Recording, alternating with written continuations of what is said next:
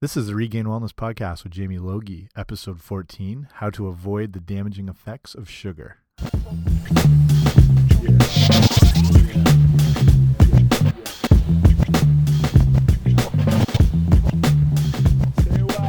Hey guys, welcome back to the podcast. This is Jamie Logie, and I'm from regainedwellness.com, which is a website I have set up that's geared around providing a lot of nutrition information, fitness information, wellness information, everything like that. This is the 14th episode, and we'll be focusing on sugar today, which is a big part of a lot of people's goals for the new year and hopefully year end as well, is reducing sugar intake as we're getting a little more educated with the negative, super negative effects that sugar has on the body. So it is the new year.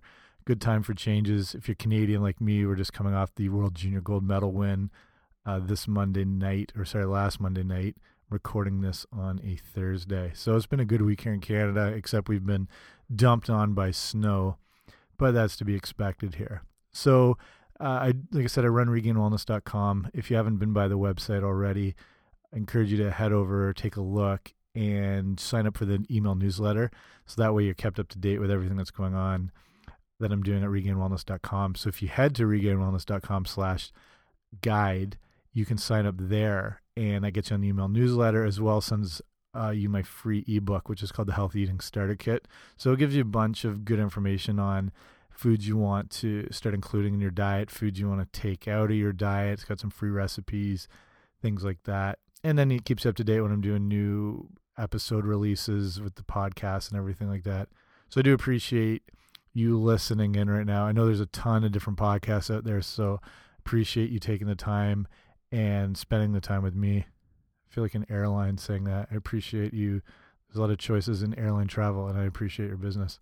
But I do appreciate you listening. So, jumping into it today, we're talking about some of the dangers of sugar and ways. I'm going to give you four ways you can replace sugar or minimize the effects of sugar in your diet. And it's no exaggeration to say sugar is like the cocaine of the food world.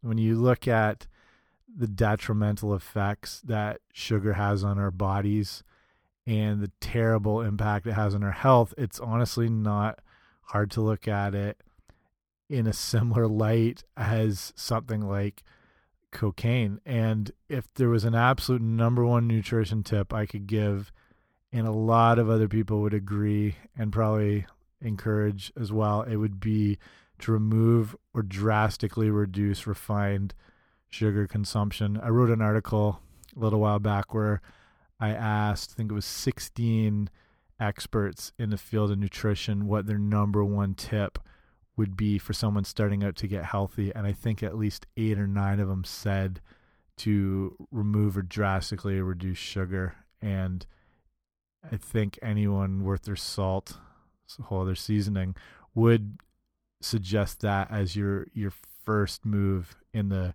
goal of getting healthy. So why is sugar so bad? So when consumed, refined sugars really lead to these spikes in your blood sugar and releases of insulin by your pancreas. So unless there's going to be some physical activity coming up, this sugar needs to be stored somewhere as essentially a backup energy source. And that is really the way of thinking about what fat is, body fat. It's a reserve fuel tank, more or less. Insulin is known as the fat producing and storing hormone. And the sugar that is consumed by you, if not used, ends up being stored as fat. And over time, obviously, can lead to things like obesity.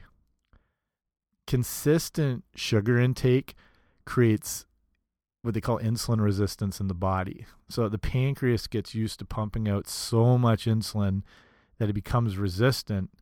And now you're looking at developing type 2 diabetes. And I think it's interesting to note that type 2, type 2 diabetes was always known as adult onset diabetes. If you're a little older, you might remember that always being uh, a term. But with it showing up so much now in, in teens and even preteens, it's now classified as type 2 diabetes. So when people discuss sugar, we're usually associating associating it with white table sugar, which is generally derived from things like sugar cane and sugar beets. And obviously, that is a bad, bad source. But I'd say there's another champ as far as uh, the top worst choice for sugar and its negative effects on the body, and that would be high fructose corn syrup or HFCS. And for those unfamiliar with high fructose corn syrup, it's basically exactly what it sounds like. It's a refined sweet syrup that is extracted from corn. And actually, a majority of corn that is reserved for human consumption is not for corn on the cob or canned corn or anything you'd buy from a farmer at the side of the road. The majority of corn that they grow for us to eat is turned into high fructose corn syrup. And originally, high fructose corn syrup was developed as a cheaper alternative to higher sugar trade tariffs. We had to bring a lot of sugar from outside the countries and tax imports and everything like that just made it a more expensive product when high fructose corn syrup ended up being something extremely cheap to produce and as an interesting side bonus, or maybe as an intentional along, it gave products a longer shelf life. And during the low fat craze, it became really a top choice to use in products as when you remove fat from a product, you lose a lot of the flavor, you lose a lot of that mouth feel, which is what draws us to certain foods. And obviously, something had to replace that fat, that flavor to give these new whatever type foods some form of palatability and high fructose corn syrup was turned to as a choice because um, it did give a little more flavor it gave a little more texture it allowed for browning characteristics say in like fakeish baked goods cupcakes or twinkie just stuff like that anything that made it look like it was a legitimately baked product this is another reason that soft drinks have grown over the years. Uh, I don't know if you remember, like, depending what age you are, you probably remember smaller serving sizes, whether it was in a fast food place where it was a smaller size drink, where the large is now the equivalent of like today's small or cans of soda or whatever were smaller serving sizes. The reason that these drinks have grown so drastically um, from basically eight ounce being a rough serving to 20 ounce and beyond was that it only cost not even pennies to make this change because of the cheapness of high fructose corn syrup. So manufacturers were now able to develop these much larger drinks and give you essentially more value, even though it's ultimately damaging your health. But they could give you this more value without it being any real cost to them. So in high fructose corn syrup, the thing we're looking at here is fructose, which is a natural fruit form. And it can be more mild on the body when it comes in its normal packaging, which is in actual fruit, which contains things like fiber and natural roughage, stuff like that. So your body's not getting a straight shot of sugar. In the form of fructose, and especially high fructose corn syrup, it is absorbed even faster, but straight into the liver where it can trigger something they call lipogenesis. And this is a production of fats like triglycerides and cholesterol. It's one of the major causes of liver damage and why, at the moment, 70 million Americans suffer from a condition called fatty liver.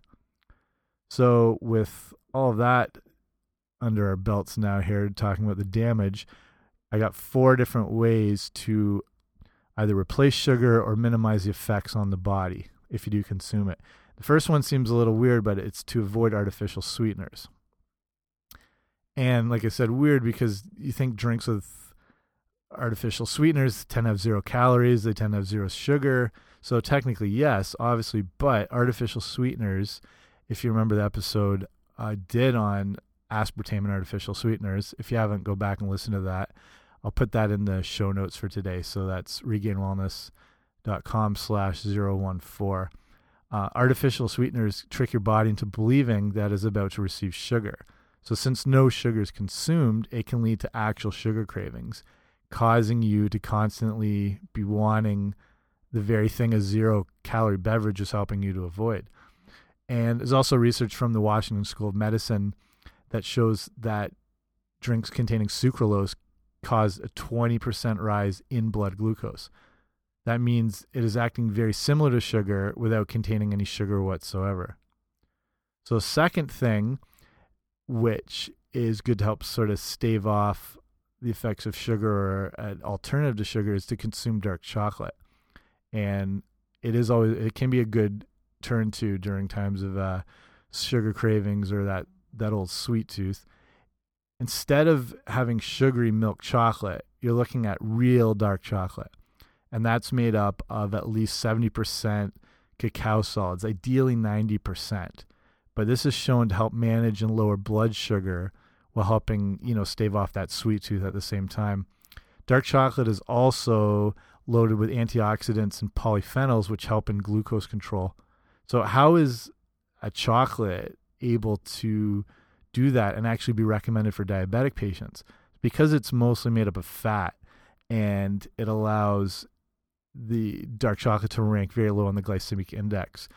But this fat is, you know, when we talk about the good fats, it is one of these. It's in the form of medium chain triglycerides, which provide real health benefits like helping prevent cardiovascular disease and lowering blood pressure. So a square or two a day is, you know, a good way to help fight off those sugar cravings while giving yourself some actual health benefits. Another thing you can do, the third thing here to help actually uh, reduce the damaging effects of sugar. If you do have to eat sugar, it's you know hard to avoid, or you're starting to stave yourself or like lean, wean yourself off it. Sorry, is eating protein with sugars. If you're going to have something that has refined sugar, or if you have issues like hypoglycemia, having something with some protein and fat before you consume that sugar is going to help slow the release of blood sugar. When you consume something that is a majority of sugar, even even fruit on its own, there will be a spike in blood sugar. So if you have something like uh, a handful of nuts, like almonds or walnuts, you know, or almond butters, nut butters, things like that, before you have fruit or another food high in sugar, it'll help stave off that blood sugar spike a little better. One, here's our fourth thing that is actually a good replacement altogether, and that's stevia. And that's showing some real promise as a sugar alternative. If you're unfamiliar with stevia, but you watched the last season of Breaking Bad, you might remember stevia being an important part in the coffee shop with Lydia at the end. I'm not going to do any spoilers in case you haven't seen it. And if you haven't seen it already, I don't know what to tell you. You've really missed the boat and have to get on it. But if you had seen the show, you're very familiar with stevia. But just to fill you in on what it actually is, stevia is a plant that's been used for thousands of years as a way to sweeten things um, and some medicinal properties. It appears to not have the same negative effects as artificial sweeteners and provides some health benefits, such as possibly reducing blood pressure and helping to lower blood sugar levels. So, ideally, if you're using this, you want to choose raw stevia leaf powder, which has a brighter greenish color to it one option to give you a more natural version of stevia is to find it in liquid form. And you can usually find things like this really easy on Amazon. It's also available in the normal little packets, like you'd find uh, other artificial sweeteners, and comes in a white powder. It comes from the extraction of the glycosides in the plant, but some find to have this a bit. They find it gives a bit of an aftertaste, almost like a licoricey type aftertaste. But this appears to be a better choice than reaching for sugar or an artificial sweetener altogether. So when it comes to things like this, as well as your food, you want to try and keep it as real as possible.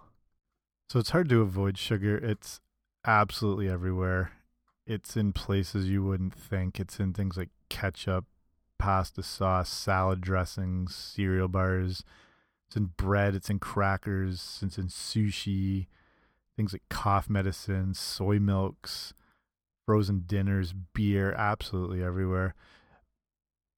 Turning to foods when they're in their purest form and avoiding processed and pa packaged food. Use that in quotes. You can't see it, but quoting food. It'll be a really big step in avoiding unnecessary sh sugar and take over the day. And with some of these things, is listing looking to replace them with things like new alternatives like stevia, like get rid of the refined sugar, replace it with something like stevia or reaching for some dark chocolate will really help you in that quest to remove or drastically reduce sugar altogether. So that's it for me today. There's some good stuff right there you can start applying right away if you're looking to start reducing or cutting out sugar out of your diet, which, like I'm saying to this whole thing, is probably the best step you could take towards improving your health and your wellness. So please stop by regainedwellness.com. Check me out there, see everything that's going on. I'm working on a book that'll be out shortly. It'll be an ebook, but it's almost finished and it's going to be called Taking Back Your Health. So I'll give you more updates when that's ready to go. And in the meantime, if you want to be in touch with me, you can check me out at the website. You can check me on Facebook, facebook.com slash regain wellness. You can tweet at to me at regain wellness. And if you want to email anything, you can and talk we can talk breaking bad all day. That's uh, email address is info at regainedwellness.com. So, in the pursuit of all your health goals, your wellness goals, getting your nutrition on track, trying to cut back, remove sugar, in this whole process, remember progress, not perfection. See you next time.